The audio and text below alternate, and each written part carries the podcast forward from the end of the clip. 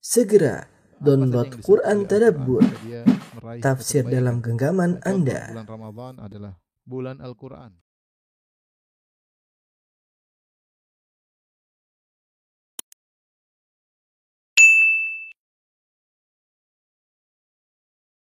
Bismillahirrahmanirrahim. Assalamualaikum warahmatullahi wabarakatuh.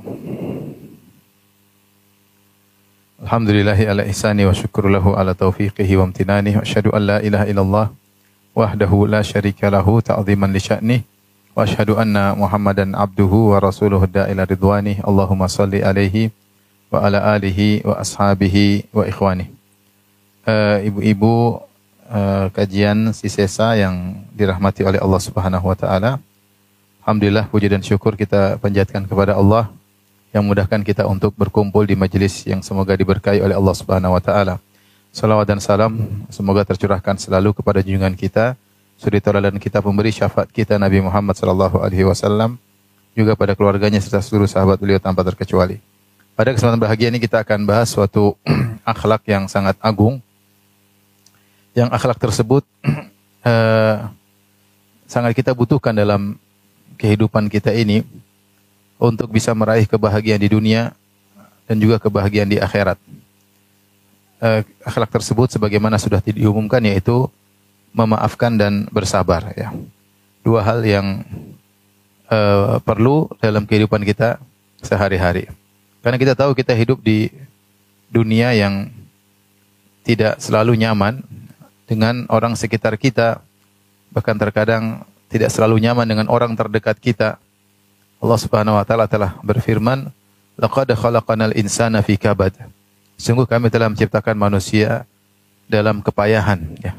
Oleh karenanya tidak ada kehidupan kecuali sertai dengan gangguan yang menimpa kita. Siapa pun kita orangnya. Apa kita adalah seorang raja apa eh, kemudian seorang panglima, apalagi cuma ibu rumah tangga atau kepala rumah tangga orang biasa ya. Oleh karenanya kemungkinan gangguan di sekitar kita itu sangat mungkin terjadi ya. Bahkan dari orang terdekat kita. Allah Subhanahu wa taala contohnya menyebutkan dalam surat At-Taghabun kata Allah Subhanahu wa taala, "Ya ayyuhalladzina amanu inna min azwajikum wa auladikum aduwwan lakum fahdharuhum." Wahai orang yang beriman, sungguhnya di antara istri kalian dan anak kalian ada yang menjadi musuh bagi kalian. Maksud di sini maksudnya musuh adalah menyuruh kalian kepada keburukan. Semakin jauh dari Allah Subhanahu wa taala, semakin lupa dengan akhirat. Ada anak kalian dan istri kalian yang seperti itu. Ketika Allah menyebutkan terkadang sifat seorang anak atau seorang istri atau pasangan kita, suami kita yang sifatnya seperti memusuhi kita, mengajak kita kepada menjauh dari Allah Subhanahu wa taala, maka Allah menyuruh kita memaafkan. Kata Allah Subhanahu wa taala, "Wa in ta'fu wa tasfahu wa taghfiru, fa innallaha ghafurur rahim." Jika kalian memaafkan, berlapang dada dan menutupi kesalahan mereka, maka sungguhnya Allah Maha Pengampun lagi Maha Penyayang. Ini ayat di akhir-akhir surat At-Taghabun menjelaskan bahwasanya gangguan itu bukan dari jauh-jauh, terkadang dari orang terdekat kita. Dari istri kita, dari anak kita, dari suami kita. Tetapi ketika gangguan tersebut datang, apa yang harus kita lakukan? Bukan kita lawan, bukan kita balik menyerang. Allah mengatakan wa in ta'fu jika kalian memaafkan wa tasfahu berlapang dada wa taghfiru dan menutupi kesalahan-kesalahan mereka fa innallaha ghafurur rahim maka Allah akan mengampuni kalian dan menyayangi kalian. Ini jika gangguan sangat mungkin terjadi dari orang terdekat kita bagaimana lagi dengan orang yang jauh, orang-orang yang seharusnya sangat dekat dengan kita, sangat sayang sama kita, mungkin saja timbul gangguan apalagi dari yang jauh. Contoh lagi Allah sebutkan tentang gangguan dari kerabat dalam Al-Qur'an. Bukan dari orang jauh dari kerabat. Tentang kisah yang masyhur yang sudah sering kita sampaikan, kisah Abu Bakar As-Siddiq yang, yang atau Aisyah yang di radhiyallahu anha yang didolimi oleh Mistah bin Usath ya atau Mistah bin Usalah ya yang dia merupakan ibnu khalati Abi Bakar. Mistah adalah anaknya bibinya Abu Bakar radhiyallahu anhu. Jadi Abu Bakar punya ibu, punya saudara, punya anak namanya Mistah. Jadi Mistah adalah sepupunya siapa? Abu Bakar. Mistah adalah sepupunya Abu Bakar. Bagaimana datang gangguan ketika kejadian yang terkenal yang disebut dengan hadithatul ifk, kisah kedustaan yang tersebar di kota Madinah, ketika Aisyah radhiyallahu taala anha ketinggalan rombongan, mereka habis pulang dari uh, perang Banil Mustalik di tengah perjalanan para sahabat dan Nabi SAW mampir suatu tempat. Kemudian Aisyah minta izin untuk, untuk buang hajat. Ternyata ketika dia membalik kalungnya hilang maka dia cari.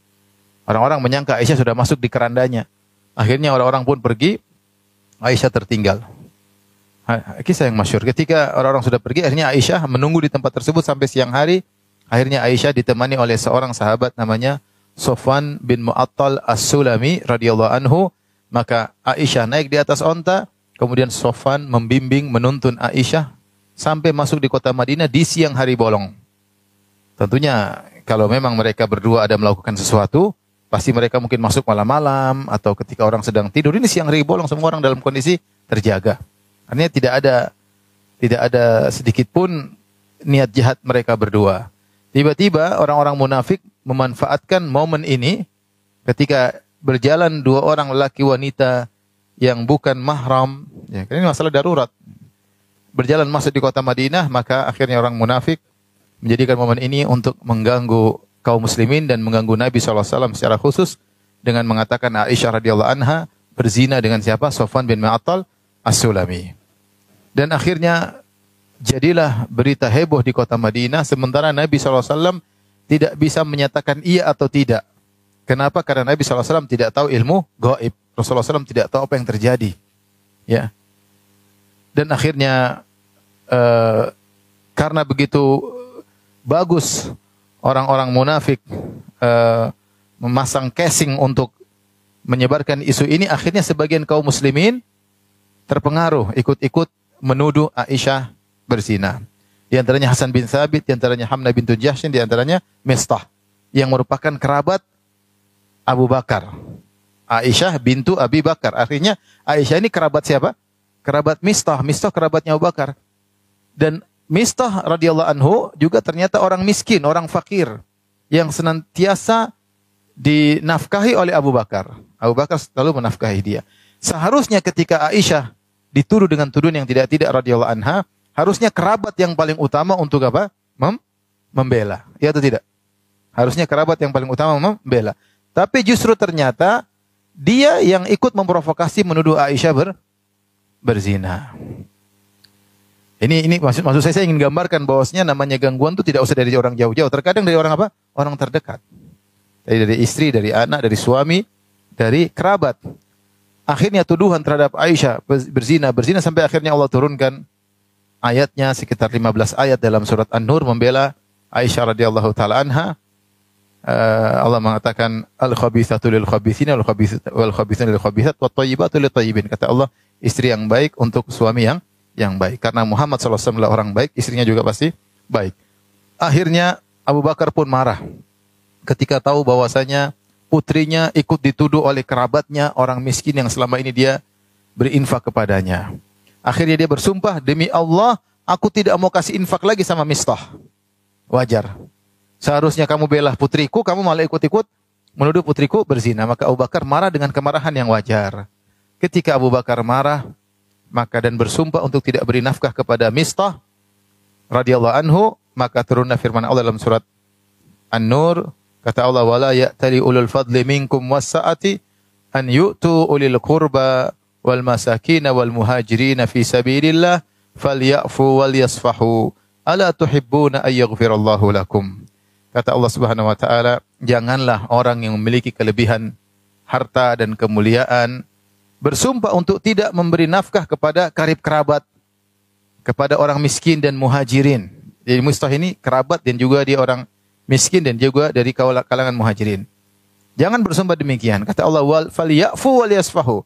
Hendaknya mereka ini memaafkan dan berlapang dada.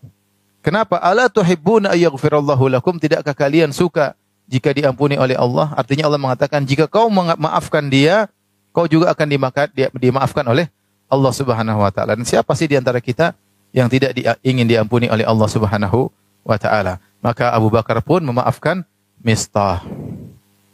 Ini gangguan tidak usah jauh-jauh terkadang dari orang dekat kita, dari kerabat kita yang kita harap menopang kita, mendukung kita, malah ternyata nusuk dari belakang dan sering juga dari depan, bukan dari belakang. Oleh karenanya, kita hidup jangan merasa nyaman terus, bahwasanya kita akan tidak terganggu. Kita bisa saja terganggu dari orang yang dekat dengan dengan kita. Sebagaimana Allah kisahkan kisah Nabi Yusuf alaihissalam yang diganggu oleh kakak-kakaknya sendiri dengan gangguan yang hebat. Kakak-kakaknya dibawa dia, kemudian dibuka bajunya, dimasukkan dalam sumur, kemudian dijual sebagai budak. Ini adik mereka masih kecil, masih belum balik.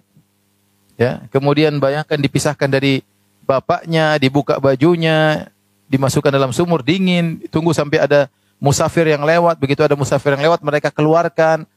Kemudian ketika mereka keluarkan Yusuf dari sumur, kakak-kakaknya datang, itu budak kami yang kabur, kami mau jual. Dijuallah adik mereka sebagai budak, dapat uang dari orang-orang orang yang musafir tersebut, kakak-kakaknya dapat uang karena menjual adiknya. Ini kejadian yang sangat menyakitkan bagi Nabi Yusuf alaihissalam. Dipisahkan dari kakaknya, dipisah, dipisahkan dari orang tuanya, dari ibunya, dari adiknya Binyamin. Dimasukkan dalam sumur, masih kecil dia, dijual jadi budak dibuang jauh sampai ke bawah ke negeri Mesir. Tapi bagaimana subhanallah? Berjalan waktu, berjalan waktu, berjalan waktu sampai banyak kejadian-kejadian dialami oleh Nabi Yusuf alaihissalam sampailah kisah singkatnya beliau pun menjadi bendarawan negeri Mesir dan ketika kakak-kakaknya datang dalam kondisi susah, dalam kondisi lagi pingin beli barang dari Nabi Yusuf, mereka tidak tahu Nabi Yusuf adalah orang sudah menjadi orang hebat. Akhirnya Nabi Yusuf pun memaafkan mereka.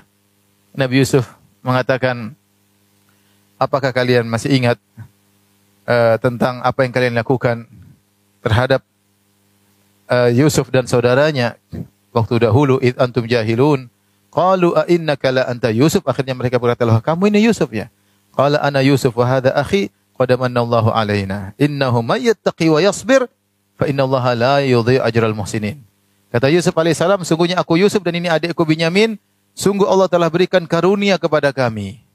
Sungguhnya barang siapa bertakwa dan bersabar, sungguhnya Allah tidak akan menyia-nyiakan pahala orang-orang berbuat baik. Akhirnya mereka minta maaf.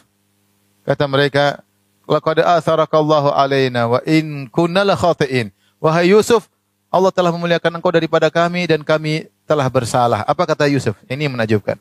Qala la tathriba alaikumul yauma yaghfirullahu lakum. Tidak ada cercaan bagi kalian mulai hari ini semoga Allah mengampuni dosa-dosa kalian. Yusuf alaihissalam tidak tidak menyimpan menyimpan dendam, tidak ingin membalas. Bahkan dia mengatakan tidak ada cercaan. Dia tidak mencela kakak-kakaknya tersebut, 10 orang tersebut sama sekali dan ini luar biasa. Ini yang kita nggak nggak nggak nggak bisa sampai hati kita seperti hatinya Nabi Yusuf alaihissalam. Subhanallah yang ganggu orang terdekat, kakak-kakak, bukan orang jauh. Ya. Dan Nabi Yusuf ketika siap bisa untuk membalas, dia tidak membalas. Bahkan dia maafkan, bahkan dia berkata, La tathriba alaikum aliyum. Tidak ada cercaan bagi kalian. Makanya para ulama ketika mendafsirkan dengan sofhal jamil, kata Allah, fasfahis sofhal jamil. Berlapanglah dadalah dengan cara yang indah. Kata para ulama yang disebut dengan as-sofhul jamil adalah memaafkan, berpaling tanpa ada celaan sama sekali. Itu yang susah. Jadi memaafkan itu bertingkat-tingkat. Ada memaafkan, tapi mencela. Memang kamu brengsek, saya baru tahu kamu brengsek sekarang. Dari dulu ternyata saya, tapi saya maafkan deh, sudahlah. Itu namanya memaafkan dengan men mencela. Ini juga terpuji.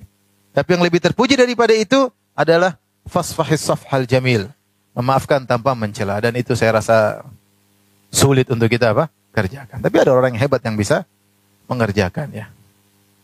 Tapi itu sulit ya. Kebanyakan kita memaafkan saja susah, apalagi memaafkan tanpa mencela. Memaafkan dengan mencela saja setengah mati ya, apalagi memaafkan tanpa mencela. Uh, jadi itulah maksud saya, hidup ini butuh dengan kesabaran dan butuh dengan sifat memaafkan. Kalau ingin bahagia di dunia, kalau kita nggak punya sifat ini, ya mungkin kita nggak bisa sempurna. Ada yang kita maafkan, ada yang nggak kita maafkan. Semakin kita sempurna memiliki sifat ini, semakin kita dada kita semakin lapang, bisa memaafkan banyak orang, kita semakin mudah bahagia. Ya. Oleh karenanya kita butuh jiwa yang besar. Mungkin mungkin tubuh kita kurus nggak apa-apa, tapi dadanya apa? besar. Mau masalah banyak tenang, lapang, besar, mudah maafkan. Daripada badan besar gemuk tapi dadanya apa? Kecil, dikit-dikit ngomel, dikit-dikit ngamuk, dikit-dikit tersinggung, dikit-dikit oh, kamu nyinggung saya ya, merasa direndahkan, merasa di ini, merasa perasaan dia aja padahal ya. Hidup orang sebenarnya tidak akan tidak akan bahagia. Orang bahagia itu darinya lapang. Makanya Allah tidak memilih para nabi kecuali orang-orang yang berdada besar. Karena mereka bakalan diuji dengan ujian yang banyak, bertubi-tubi, tidak berhenti-berhenti. Lihat Nabi Muhammad SAW sejak Allah katakan, Ya ayuhal muzammil, ya ayuhal muddathir kum fa'anzir. Wahai yang berselimut bangun dan berilah peringatan. Sejak Allah suruh dia memberikan peringatan, sejak itu dia tidak pernah berhenti dari gangguan. Terus diganggu, diganggu, diganggu, diganggu, diganggu terus sampai meninggal meninggal dunia. Oleh karenanya e, tidaklah dipilih menjadi para rasul kecuali orang yang dadanya dadanya lapang. Ibu yang dirahmati Allah Subhanahu wa taala, inilah yang harus kita renungkan dan kita berusaha memiliki sifat tersebut yaitu sifat memaafkan dan bersabar. Dan ini dua sifat yang saling bergandengan. Kalau orang tidak sabar nggak bisa memaafkan. Dan tidak bisa orang memaafkan kecuali apa? Sabar. Kalau nggak sabar gimana memaafkan? Saya maafkan kamu tapi ngomel banting sana banting sini namanya bukan maafkan. Tidak bisa kecuali kalau maafkan harus sabar. Kalau nggak bisa sabar nggak bisa memaafkan. Ini dua hal yang saling uh, bergandengan ya. Dan dua ini adalah ibadah yang sangat yang sangat agung. Makanya ketika Allah Subhanahu wa taala berfirman, "Khudhil afwa wa'mur bil urfi wa arid 'anil jahilin." Ini dalam surat Al-A'raf ayat 199, surat ke-7 ayat 199 kata Allah, "Khudhil afwa wa'mur bil urfi." Ambillah sikap memaafkan wa'mur bil urfi uh, perintahkanlah untuk berbuat yang ma'ruf wa a'rid 'anil jahilin dan berpalinglah dari orang-orang jahil, dari orang-orang jahil. Ini ayat ya, ayat ini surat Al-A'raf ayat 199. 199. Ayat ini disebut oleh para ulama yaitu ajma ayat fil akhlak, yaitu ayat yang paling komprehensif tentang akhlak. Yang paling mencakup tentang akhlak tiga perkara yaitu khudil afwa, ambillah sikap maafkan, wa amur bil urfi, uh, apa namanya perintahlah kepada kebajikan, wa arid anil jahilin. Kalau ada orang jahil maka berpalinglah. Kita hidup di zaman sekarang banyak orang jahil. Kita harus sering berpaling, jangan sering menengok dan menoleh kepada orang jahil. Kalau kita menoleh kepada orang jahil, kita ikut jahil. Ya. Kita hidup di zaman banyak orang jahil dan orang-orang yang memamerkan kejahilannya di medsos banyak bangga dengan kejahilannya. Kalau kita ikut-ikut menengok, menoleh kepada orang jahil, kita bakalan jahil. Baik, kita ambil pada poin pertama, khudil afwa. Khudil afwa. Apa maksudnya? Ambillah sikap maafkan. Tentunya yang kita pahami sikap maafkan yang tadi sudah kita jelaskan. Kalau ada orang salah sama kita, kita maafkan. Ini secara zahir, tapi ada tafsiran khusus tentang ayat ini. Apa ini maksud dengan mengambil sikap memaafkan? Saya bacakan perkataan Syekh Abdurrahman bin Nasir As-Sa'di As-Sa'di rahimahullahu taala. Uh, Hadhil ayatu jami'atun li husnil khuluqi ma'an nas. Ayat ini adalah ayat yang mencakup akhlak yang mulia ketika berinteraksi dengan masyarakat. Wa ma yanbaghi fi muamalatihim. Apa yang harus kita lakukan ketika bermuamalah dengan masyarakat. Falladhi yanbaghi, yang harus kita lakukan an uh, ya an yu'amal bihin nas an yu'amil bihin nas an ya'khudhal afwa yaitu kalau kita ingin bermuamalah dengan orang lain, maka kita mengambil sikap memaafkan. Apa maksudnya? Ai ma samahat bihi anfusuhum wa ma sahula alaihim minal a'lami wal akhlaq fala yukallifuhum ma la tasmahu bihi taba'iuhum bal yashkuru min kulli ahadin ma qabalahu ma qabalahu bihi min qaulin wa fi'lin ya ma fi'lin jamil aw ma huwa duna dhalik wa yatajawazu an taqsirihim wa yaghuddu tarafahu an naqsihim wa la yatakabbar ala saghir li. Saya bacakan maknanya yaitu bagaimana kau mengambil sikap maafkan ini makna yang kedua. Kalau maaf makna yang pertama ada orang salah kita maafkan. Mana yang kedua agar kita bisa tentram dalam kehidupan kita, agar kita bisa nyaman. Terimalah uh, akhlak atau sikap orang lain kepada kita yang mudah mereka lakukan. Ya. Baik perkataan, perbuatan, maka jangan kau bebani mereka yang di luar kemampuan mereka. Tetapi berterima kasih berterima kasihlah atas kebaikan yang mereka lakukan dan maafkanlah kekurangan mereka. Maksud ayat ini kita al-afwu yaitu kita memaafkan artinya kalau kita bergaul dengan orang lain, dengan istri kita, dengan anak kita, dengan teman kita, jangan terlalu apa apa ekspektasi yang tinggi, jangan. Kita bersikap dengan mereka yang mudah mereka lakukan. Lebih daripada itu sudah kita nggak usah berharap. Contoh saya punya tetangga, misalnya saya punya tetangga, saya berharap tetangga saya adalah tetangga yang paling baik, setiap hari ngirim makanan, tapi nggak pernah ya sudah jangan terlalu berharap apa. Ya begitulah sekarang manusia. Nah ketika tidak sesuai dengan yang kita harapkan, jangan kita sikapi dengan keburukan. Kita tetap berbuat baik sama dia. Dia tidak berbuat baik sama kita, sudah begitulah. Banyak manusia zaman sekarang, jangan berlebih-lebihan dalam berharap kepada mereka. Ya. Itu dengan begitu kita tentram. Kita punya teman. Harapan kita teman kita ini kalau kita lagi kelilit utang, dia bayarin utang kita. Tapi dia nggak pernah bayar utang kita, bahkan dia nggak pernah tanya kamu punya utang, atau tidak, bahkan dia punya uang sama kita. ya kita jangan ya sudahlah.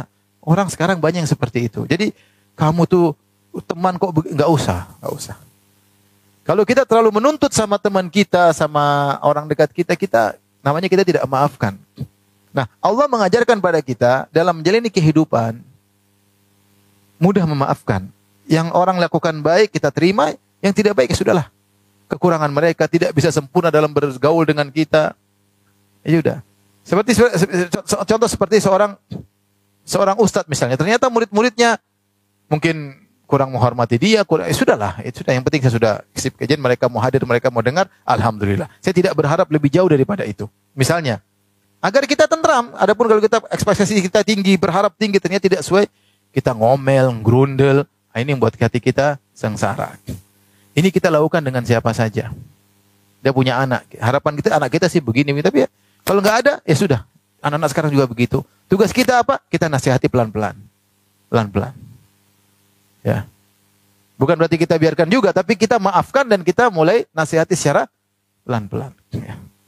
Seperti contoh sederhana, ada orang datang kepada saya, dia bawa suaminya depan saya. Ustadz, suami saya ini Ustadz, kerjanya main game terus Ustadz depan saya. Istri sama suaminya. Suaminya diem aja gini. Terus, ya saya bilang sama ibu itu, ya, tapi dia sholat nggak? Sholat. Baca Quran nggak? Baca Quran. Nah, banyak kebaikan dilakukan ya. Udahlah, cuma main game aja kok saya bilang. Ya nasihati baik-baik ya. Mungkin dia terlalu berharap tinggi suaminya harus begini. Orang juga banyak yang main game. Bukan berarti kita menyepelekan tidak, tapi terimalah terlebih dahulu sambil kau nasih nasihati. Tapi kalau kau berharap yang sempurna, kau tidak akan pernah bahagia. Kau tidak akan pernah bahagia. Nah itulah namanya al-afu khuzil afwa bersikap dalam memaafkan kekurangan-kekurangan orang di sekitar kita karena kita juga punya kekurangan. Kita juga punya kekurangan. Ya. Lihatlah Nabi Nabi Musa sama Nabi Khadir ketika datang ke suatu negeri kemudian minta dijamu tidak dijamu. Kata Allah Subhanahu wa taala, "Fantalaqa hatta idza ataya ahla qaryatin istata'ama ahlaha fa abau ayyudhayifuhuma fawajada fiha jidaran yuridu an yanqadha fa aqama." Maka berjalanlah Nabi Khadir dan Nabi Musa alaihi wassalam. Sampailah di suatu negeri, suatu kampung. Fasta ta'ama ahlaha. Maka mereka berdua minta makan, minta dijamu karena kami tamu. Punya hak untuk dijamu. Itu ketradisi orang-orang terdahulu. Datang suatu negeri, punya hak untuk dijamu. Fa'abau ayyudhaifuhuma. Mereka semuanya enggan untuk menjamu Nabi Musa dengan Nabi Khadir. Tapi mereka tidak gerundel-gerundel, tidak marah-marah. Tidak mengatakan kalian nggak tahu saya nabi. Enggak. Mereka tidak jadi makan pergi selesai. Ya begitulah sifat manusia sekitar kita. Kita bukan hidup di zaman kaum ansar, kaum muhajirin. Ingat kita hidup di zaman tahun 2022. Sebentar lagi 2023. manusia dengan berbagai macam model, dengan berbagai kebutuhannya, dengan berbagai macam kesibukannya. Mungkin saya ustaz, saya ingin ibu-ibu ngaji tiap jam di depan saya. Ngaji buku ini, ngaji buku ini, ngaji buku ini. Saya pinginnya demikian. Tapi baru ngaji sedikit sudah lupa. Baru ngaji sedikit sudah lupa. Terus saya mau apain? Ya udahlah, begitulah ibu-ibu zaman sekarang. Mau diapain? Mau dipaksa ngapal ini, ngapal anu. Nggak bakalan hafal. Udah mereka mau ngaji, Alhamdulillah. Maksudnya itulah, maksudnya bukannya kita, maksudnya kita memaafkan, tapi kita mengadakan berusaha perbaikin pelan-pelan. Pelan-pelan ya. Anak-anak misalnya. Pingin anak-anak kalau pulang dari pondok, Duduk baca Quran melulu. Enggak, anak pulang ke pondok main game. Di pondok nggak pernah main game. Ketika di rumah pengen main game. Udah anak-anak juga begitu. Tapi kita kontrol. Nasihati. Jadi terimalah apa yang bisa dilakukan oleh orang-orang sekitar kita. Mereka tidak bakalan sempurna. Kita maafkan kekurangan mereka. Sambil kita perbaiki sedikit demi sedikit. Itu maksud saya. Kita akan tenteram kalau begitu. Kalau nggak gitu kita nggak bakalan tenteram. Karena suami kita tidak sempurna. Istri kita tidak sempurna Anak-anak tidak sempurna, pondok tidak sempurna, ustadz tidak sempurna, apalagi tahun 2022. Ustadz yang ngajar bukan dari golongan salaf dahulu kalau ya yang ngajar golongan tabiin, sahabat ya mungkin ini sekarang ustadz tahun 2022 ya begini modelnya. Belum dengan kekurangan, murid-muridnya pun demikian. Inilah yang disebut al-af. Jadi mudah memaafkan kekurangan orang yang berinteraksi dengan dengan kita. Tetapi kita berusaha menasihati untuk mereka semakin memperbaiki diri dengan bersabar. Dengan demikian hidup kita akan tentram. Kalau tidak begitu kita akan hidup susah, banyak kecewa, ya kecewa sama ini, kecewa sama teman, kecewa sama kerabat, kecewa. Ya. Ibu yang dirahmati Allah Subhanahu Wa Taala. Jadi kita berbicara tentang sifat memaafkan adalah sifat yang mulia, sifat para nabi, sifat para solehin, uh, dan ini sifat yang pasti dimiliki oleh mereka. Pasti dimiliki oleh para nabi, pasti dimiliki oleh para rasul, pasti dimiliki, oleh para ulama, pasti dimiliki orang soleh. Kenapa saya katakan pasti? Karena mereka-mereka ini pasti diuji. Pasti tidak? Pasti. Gak ada satu orang soleh pun yang tidak diuji. Diganggu sama orang, gak mungkin. Semua orang soleh pasti diuji. Dan Allah sudah, Nabi SAW sudah mengatakan, ya Asyadun nasi balaan al-anbiya. Orang yang paling berat ujiannya adalah para nabi. Semua salihun, kemudian orang-orang soleh. Sumal amsal fal amsal, kemudian selanjutnya dan selanjutnya. Yubtalar rajulu ala qadri imani. Seorang diuji berdasarkan apa? Tingkatan apa? Keimanannya. Kita akan memotivasi uh, diri saya pribadi dan juga ibu-ibu sekalian agar mudah memaafkan. Apa sih hal-hal yang memotivasi kita untuk bisa memaafkan. Yang pertama kita harus tahu memaafkan adalah ibadah. Ini yang penting. Memaafkan itu ibadah. Sabar memaafkan itu apa? Ibadah. Ini yang sering tidak bisa kita hadirkan dalam diri kita. Kita merasa baca Quran ibadah, kita merasa sedekah ibadah, kita merasa ikut pengajian ibadah. Tapi kalau kita memaafkan kayaknya bukan ibadah. Kayaknya perkara duniawi murni tidak tidak masuk dalam benak kita, kamu maafkan dapat pahala itu nggak ada. Cuma maafkan sekedar mengalah. Bukan karena Allah. Ini kadang-kadang cuma duniawi doang. Nah, kita harus sadar bahwasanya maafkan itu adalah apa? Ibadah. Bagaimana bukan ibadah sementara Allah Subhanahu wa taala menyebutkan ciri penghuni surga adalah wal afina anin nas, orang-orang yang memaafkan orang lain. Allah Subhanahu wa taala berfirman, Wasari'u ila maghfirati min rabbikum wa jannatin arduha samawati wal ardu iddat lil muttaqin alladzina yunfiquna fis sarra'i wad dharra'i wal kadhimin al ghaith wal 'afina 'anil nas. Saya carikan nomor ayatnya. Wal 'afina 'anil nas surat Al Imran 134. Surat Ali Imran surat ketiga 134. Wallahu yuhibbul muhsinin. Kata Allah bersegeralah menuju ampunan Allah dan menuju surga yang luasnya seluas langit dan bumi yang Allah siapkan bagi orang-orang yang bertakwa. Siapakah orang yang bertakwa tersebut? Yang disiapkan surga untuk mereka alladzina yunfiquna fis sarra'i wad dharra orang-orang yang berinfak dalam kondisi lapang mereka berinfak. Wad dharra dalam kondisi sulit mereka juga tetap berinfak. Wal kadhimina al ghaiz yang mereka meredam amarah. Wal afina anin nas dan memaafkan orang lain yang mendolimi mereka. Wallahu yuhibbul muhsinin dan Allah mencintai orang berbuat ihsan. Jadi memaafkan itu adalah ibah, ibadah. Oleh karenanya kalau maafkan karena Allah bukan karena ingin dipuji. Jangan sampai kita saya sudah maafkan dia kemudian kita publish ya untuk menunjukkan kita pemaaf. Oh enggak, enggak, enggak begitu. Kamu maafkan itu ibadah. Maafkan karena Allah. Bukan untuk kamu memamerkan kepada orang lain bahwasanya kamu pemaaf. Allah Maha tahu isi hati. Gembar-gembor ke orang, "Oh, saya pemaaf." Oh, enggak, orang biasa saya di Enggak. Kalau kamu maafkan karena Allah. Karena maaf adalah ibadah yang agung dan ciri orang para penghuni surga. Ketika Allah menyebutkan ciri penghuni surga adalah memaafkan orang lain, berarti ini pahalanya besar atau tidak? Besar. Besar. Cuma kita nggak mau melakukan. Kita maunya dendam. Kita maunya balas. Kalau bisa balas lebih, kita bisa lakukan ya. Orang mukul saya sekali, saya balas dua kali kalau bisa. Sebagian orang mengatakan, eh, saya ini baik ya. Kalau orang baik sama saya, saya baik ya. Tapi kalau orang nggak baik sama saya, saya double nggak baiknya. itu parah seperti itu ya. Jadi memaafkanlah ibadah. Kapan hari dalam diri kita memaafkan? Ada ada orang ngomongin macam-macam. Ah, saya maafkan deh pahala udahlah. Jadi memaafkan sebab masuk surga, sebab utama masuk surga. Yang kedua agar kita termotivasi untuk memaafkan, orang memaafkan dimaafkan oleh Allah Subhanahu wa taala. Kaidah al jaza min jinsil amal, balasan sesuai dengan perbuatan. Kapan kita merahmati orang lain, kita dirahmati oleh Allah Subhanahu wa taala. Kapan kita memaafkan orang lain, kita dimaafkan oleh Allah Subhanahu wa taala. Kapan kita menutup aib orang lain, aib kita ditutup oleh Allah Subhanahu wa taala. Di antara balasan sesuai dengan perbuatan adalah kalau kita maafkan kita akan diampuni oleh Allah. Ala tuhibbuna ayyaghfirallahu lakum kata Allah berlapang dadalah dan maafkanlah. Tidakkah kau suka Allah mengampuni dosa-dosamu? Kita ini sering berdoa ya ibu-ibu, ya Allah ampuni aku ya Allah bangun subuh astagfirullah, habis sholat astagfirullah, astagfirullah, zikir pagi petang. Tapi apakah kita jamin dosa-dosa kita semua diampuni? Tidak, belum tentu. Kita sudah umroh, sudah haji, belum tentu dosa-dosa kita diampuni. Kita nggak tahu. Karena kuantitas kita istighfar dengan kuantitas kita maksiat masih besaran kuantitas apa? maksiat. Jadi nggak bisa nggak bisa apa seimbang, nggak bisa balance. Selalu maksiat lebih apa? Lebih banyak. Mungkin kita sudah istighfar, sudah bertobat. Ketika dosa-dosa kita tetap numpuk dan tidak diampuni, diampuni juga oleh Allah. Allah punya cara agar dosa kita diampuni dengan cara yang cepat dan tepat.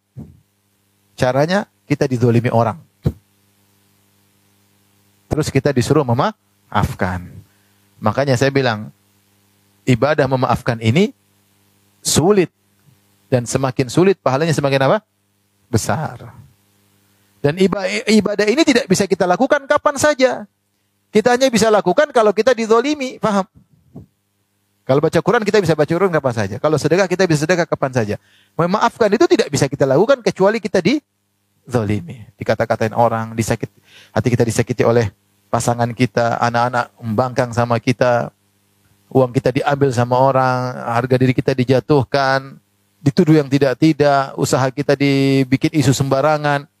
Di saat kita dizolimi, itulah kesempatan kita untuk beribadah. Namanya ibadah memaafkan. Tapi itu sangat-sangat su sulit. Tapi kalau kita maafkan, ini cara yang paling cepat Allah hapuskan dosa-dosa kita. Pasti diampuni. Kepastian untuk diampuni semakin besar. Karena kaedahnya al jaza menyizil amal. Balasan sesuai dengan apa? Perbuatan. Kita sering berdoa nangis air mata buaya habis itu maksiat lagi.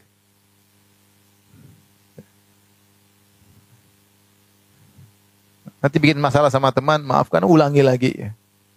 Istri sama suami, enggak, ini enggak nakal lagi, suamiku enggak angkat suara lagi, besok angkat suara lebih keras lagi. Suami juga gitu, katanya enggak ini ternyata enggak sakiti hati istri lagi. Kamu enggak ungkit-ungkit kesalahan saya, ngungkit lagi kesalahan. Air mata buaya. Oleh karenanya, saya bilang di antara hal yang paling kuat membuat dosa kita diampuni, kita maafkan orang orang lain. Kalau kita memikirkan ini, kita bersyukur. Ya Allah ada orang zalimi saya dan saya bisa ampuni dia. Bersyukur. Ya. Orang mendolimi kita saja, kalau kita sabar, pahalanya apa? Gu? Gugur. Makanya sebagian ulama mengatakan, kenapa ada makhluk namanya Syiah Rafidah yang suka mencaci maki para sahabat. Sampai sekarang mereka kerjanya tiap hari mencaci maki para sahabat. Sampai ada seorang syekh mengatakan, Rafidah, Syiah tiap hari mencaci maki para sahabat. Setiap detik mereka mencaci maki para sahabat. Sekarang aja jam 13.44 waktu Indonesia Barat, mereka sedang mencaci maki para sahabat. Artinya memang kebiasaan mereka demikian. Kata sebagian ulama, hikmahnya agar para sahabat pahalanya terus apa ber? bertambah. Kita dizolimi orang, pahala kita bertambah. Apalagi kalau kita maafkan mereka. Jadi ini, kalau kita bisa maafkan itu nikmat luar biasa. Nikmat luar biasa. Subhanallah. Berarti ada dosa kita yang terjamin diampuni oleh Allah. Kita tidak tahu sebesar apa dosa kita yang diampuni Allah gara-gara kita maafkan sepele kesalahan orang. Ya.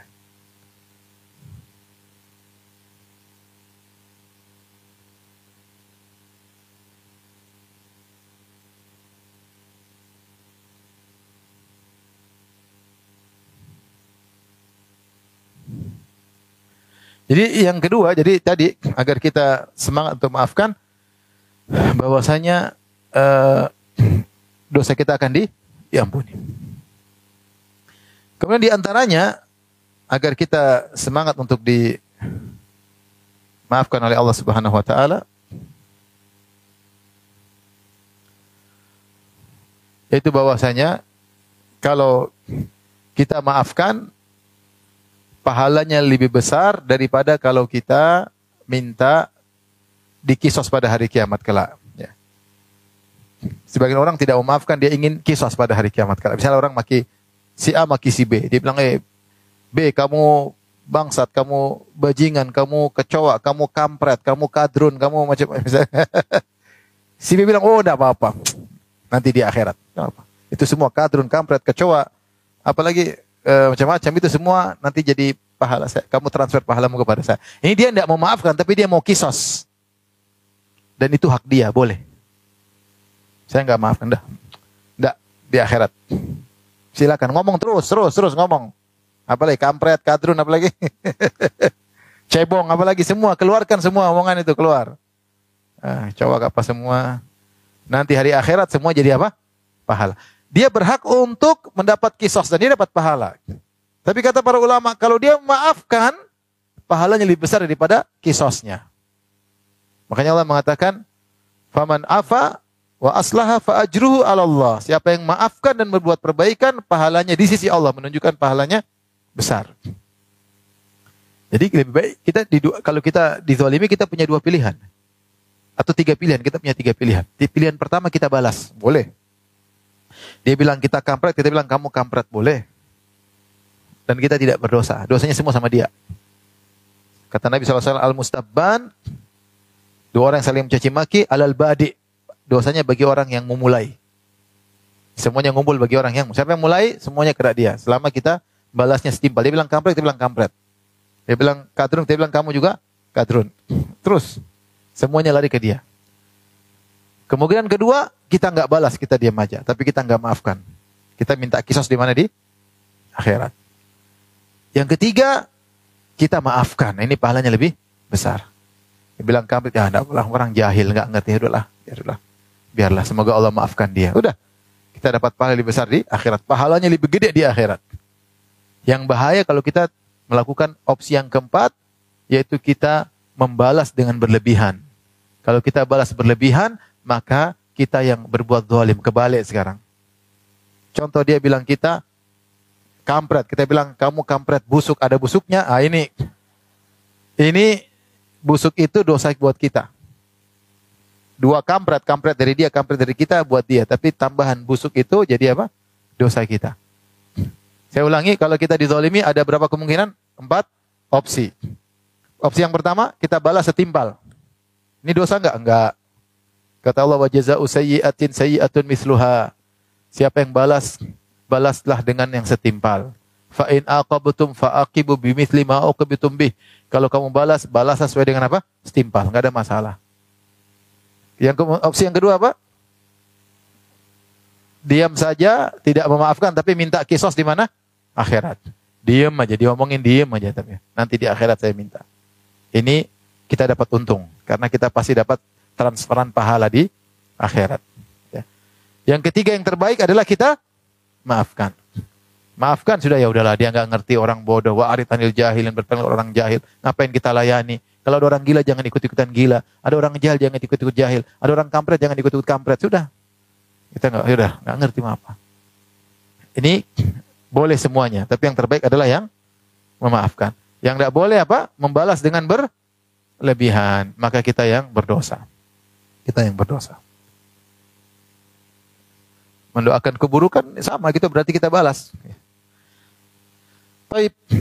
Uh, selain daripada kita dapat pahala lebih besar di akhirat, ternyata kita dapat kebahagiaan di dunia. Orang yang mudah maafkan, dia bahagia. Bahagia benar. Dia maafkan selesai. Dia nggak pikiran panjang, dia tidak dendam, dia tidak menyimpan. Tapi kalau dia tidak maafkan, meskipun dia minta kisos di akhirat, tapi dendamnya bergejolak, ya. Api ingin meledak, dia tahan-tahan, dia sengsara. Nanti pulang dia ketemu istri ngomongnya nggak enak. Kenapa dia mikir musuhnya terus? Berumah malah sama anaknya nggak enak, kerjaan jadi nggak serius. Goreng nasi, nasi goreng keasinan. Kenapa? Karena ngomel sama tetangga. Suami jadi korban. Kok asin semua ya? Dia ngomel sama tetangganya, dia pendem. Tapi kalau dia maafkan, dia tentram. Enak pulang ke rumah ngobrol sama istri, sama anak, dia maafkan, tentram. Ini teorinya begitu ibu ya. Prakteknya maafkan itu sangat apa? Susah. Tapi kalau kita mau renungkan tentang hal tersebut, kita mudah apa? Memaafkan. Ya. Taib. Kemudian tadi di antara hal yang memudahkan kita maafkan kita sabar. Ya. Kita tahu bahwasanya tidaklah orang itu mendolimi kita kecuali karena dosa-dosa kita. Itu di antara hukuman yang disegerakan oleh Allah Subhanahu wa taala. Ya. Siapa sih di antara kita yang tidak luput dari dosa? Siapa sih? Siapa sih yang kalau kita laki-laki yang tidak melihat yang haram, pasti melihat yang haram. Naik pesawat ketemu pramugari pasti lihat dia buka apa? Auratnya. Menutup mata ya gimana juga ya. ya bisa. Kalau duduk depan, di bisnis kelas dilayani agak mungkin. Wah, mbak ini aja kan nggak bisa juga, susah. Ya kita bagaimana? Maksudnya mbak, ya mana yang menunya yang ini aja yang ini. Nggak bisa. Ya saya belum mampu. Harusnya bisa, cuma saya belum mampu. Ya saya pasti ngelihat, ya mbak yang ini yang pasti begini lihat ke bawah tetap aja ada bayang-bayangnya, nggak bisa. Ya nggak bisa. Ini kenyataan kita bicara kenyataan. Ya. Kalau naik pesawat, apalagi di ini tahu-tahu ekonomi kelas, tahu-tahu di sampingnya cewek, terus gimana? Mau tukar tempat nggak bisa, duduk pada tempat masing-masing ya gimana? Belum ada apa sunnah airline belum ada. Artinya siapa sih di antara kita yang nggak punya dosa? Kalau kita duduk di mana lagi makan, tahu-tahu dengar lagu lama, tahu-tahu tangan kita ikut goyang, ya gimana? Jadi mau saya kita nggak mungkin luput dari dosa. Nah, ketika ada orang dolimi kita, udahlah kita positif thinking aja. Allah ingin menyegerakan hukuman. Alhamdulillah Allah tidak hukum di mana di akhirat. Karena kita ketika kita istighfar demi Allah, kita nggak bisa minta ampun dari seluruh dosa-dosa kita. Kita luput, banyak dosa yang terluputkan. Tidak kita renungkan. Bahkan terkadang kita malas untuk istighfar. Istighfar aja malas. Hari-hari lewat kita nggak istighfar, santai aja. Karena kita nggak merasa berdosa. Nah Allah takdirkan ada orang bikin zalim sama kita, entah kita diomongin nggak, nggak, dituduh macam-macam, di ya sudahlah kita bilang ini akibat dosa-dosa kita, baik yang dulu-dulu atau yang sekarang kita nggak tahu. Insya Allah Allah tahu kapan tepat kita di diberi seperti ini. Mungkin dosa kita 20 tahun lalu. Allah berikan sekarang karena Allah tahu hati kita sekarang sudah kuat. Udahlah kita husnudon aja. Dengan begitu kita mudah memaafkan. Kita mudah memaafkan. Dan kita mudah untuk bersabar. Dan kata Nabi SAW, Mama u'tiya ahadun ata'an awsa wa khairan minas sabar. Dan tidaklah seorang diberikan uh, anugerah dari Allah Subhanahu wa taala yang lebih baik dan lebih banyak daripada bersabar ya.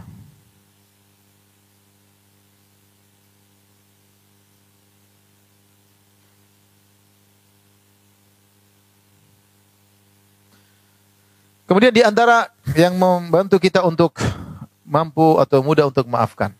Yakinlah orang yang memaafkan karena Allah diangkat derajatnya oleh Allah Subhanahu wa taala. Diangkat derajatnya oleh Allah Subhanahu wa taala. Dalam suatu hadis kata Nabi sallallahu alaihi wasallam, "Ma naqasat sadaqatun min mal." Allah tidak akan mengurangi harta bagi orang yang bersedekah. Orang yang bersedekah zahirnya hartanya kurang, tapi kata Allah kata Nabi tidak akan berkurang. Karena pasti Allah akan ganti dengan cara Allah Subhanahu wa taala, bahkan lebih banyak. Kemudian kata Nabi SAW, Wa mazadallahu abdan bi'afin illa izzan. Tidaklah seorang memaafkan karena Allah, kecuali Allah akan angkat derajatnya. Kebanyakan orang kalau lihat seorang mengalah, ah dia lemah. Makanya dia mengalah melulu. Tapi yakinlah orang mengalah karena Allah pasti diangkat apa? Derajatnya. Ya so jauh-jauh kita bicara tentang teman-teman kita Alhamdulillah dakwah sunnah kita dizolimi, dituduh yang tidak-tidak, dibilang tukang mengkafirkan, dituduh. Tapi alhamdulillah berkembang atau tidak? Berkembang alhamdulillah. Sekolah di mana-mana, banyak orang tahu itu cuma tuduhan dusta. Udah kita maafkan, kita nggak nyerang balas, kita nggak berkelahi dengan mereka. Sabarlah mereka nggak ngerti mau diapain.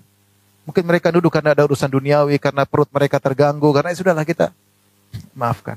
Orang nggak ngerti mau diapain. Itu udah macam-macam di macam-macam ya.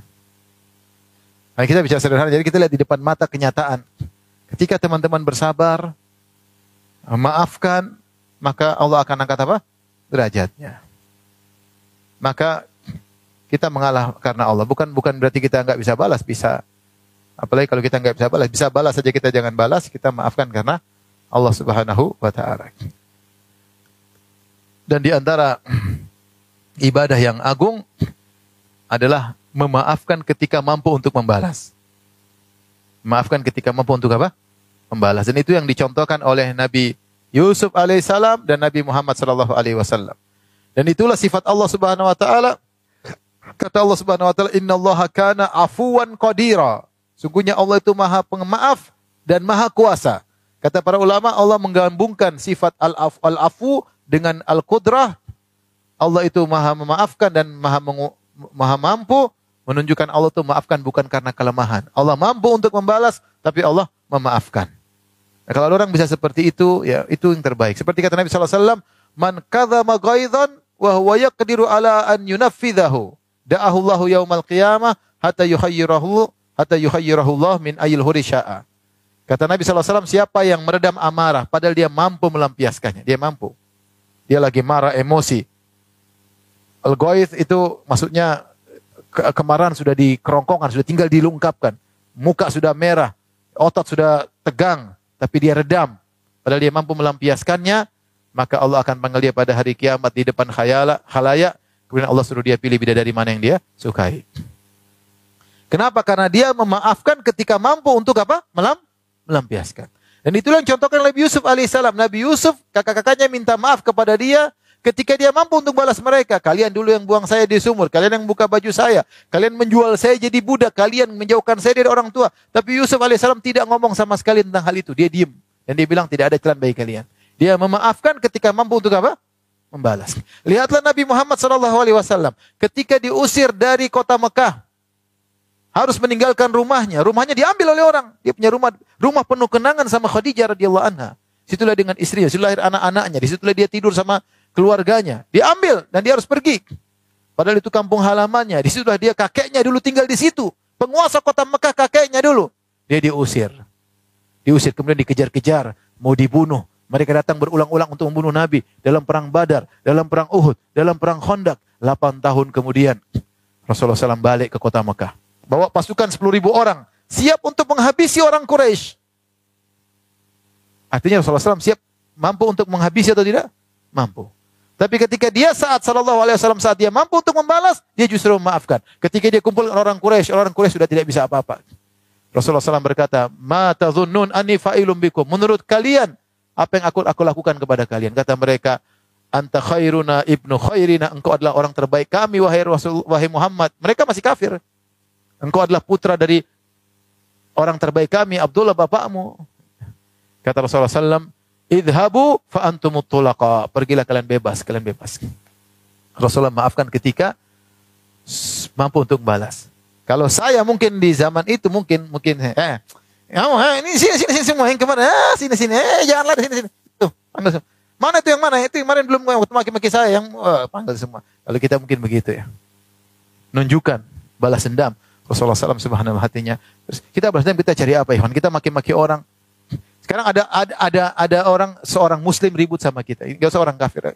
Orang muslim, orang muslim ribut sama kita. Kemudian dia maki kita. Kemudian kita balas, kita jatuhkan dia, mungkin dia semakin kasihan dia orang muslim juga. Ada orang mukul kita, kita pengin, aduh, dia kita pengin balas, pengin dia mati. Akhirnya dia mati, kasihan istrinya janda. Anak-anaknya jadi yatim, kasihan. Udahlah, serahkan pada Allah. Serahkan pada pada Allah. Ya.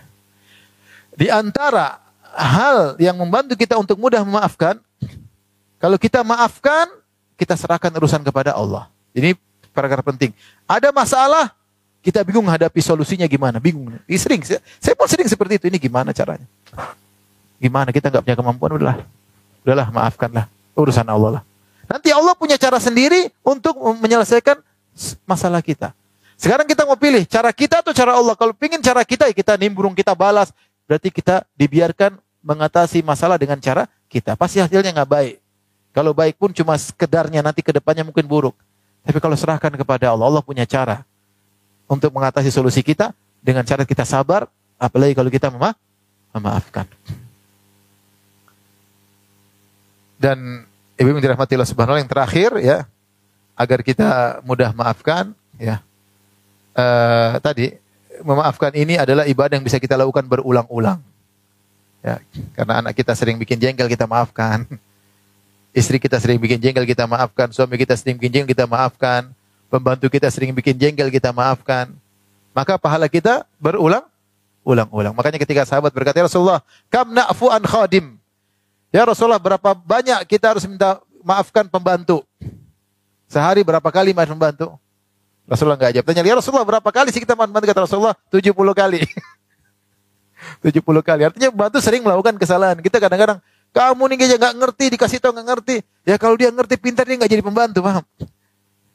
Ya kita harus kasih ulur. Mungkin dia orang kampung, mungkin dia nggak ngerti, mungkin dia nggak sekolah, mungkin pendidikannya rendah. Kita ajarin nggak paham-paham lah. Makanya ya terus kita nggak kasih ulur sama dia. Ya udah maafin aja.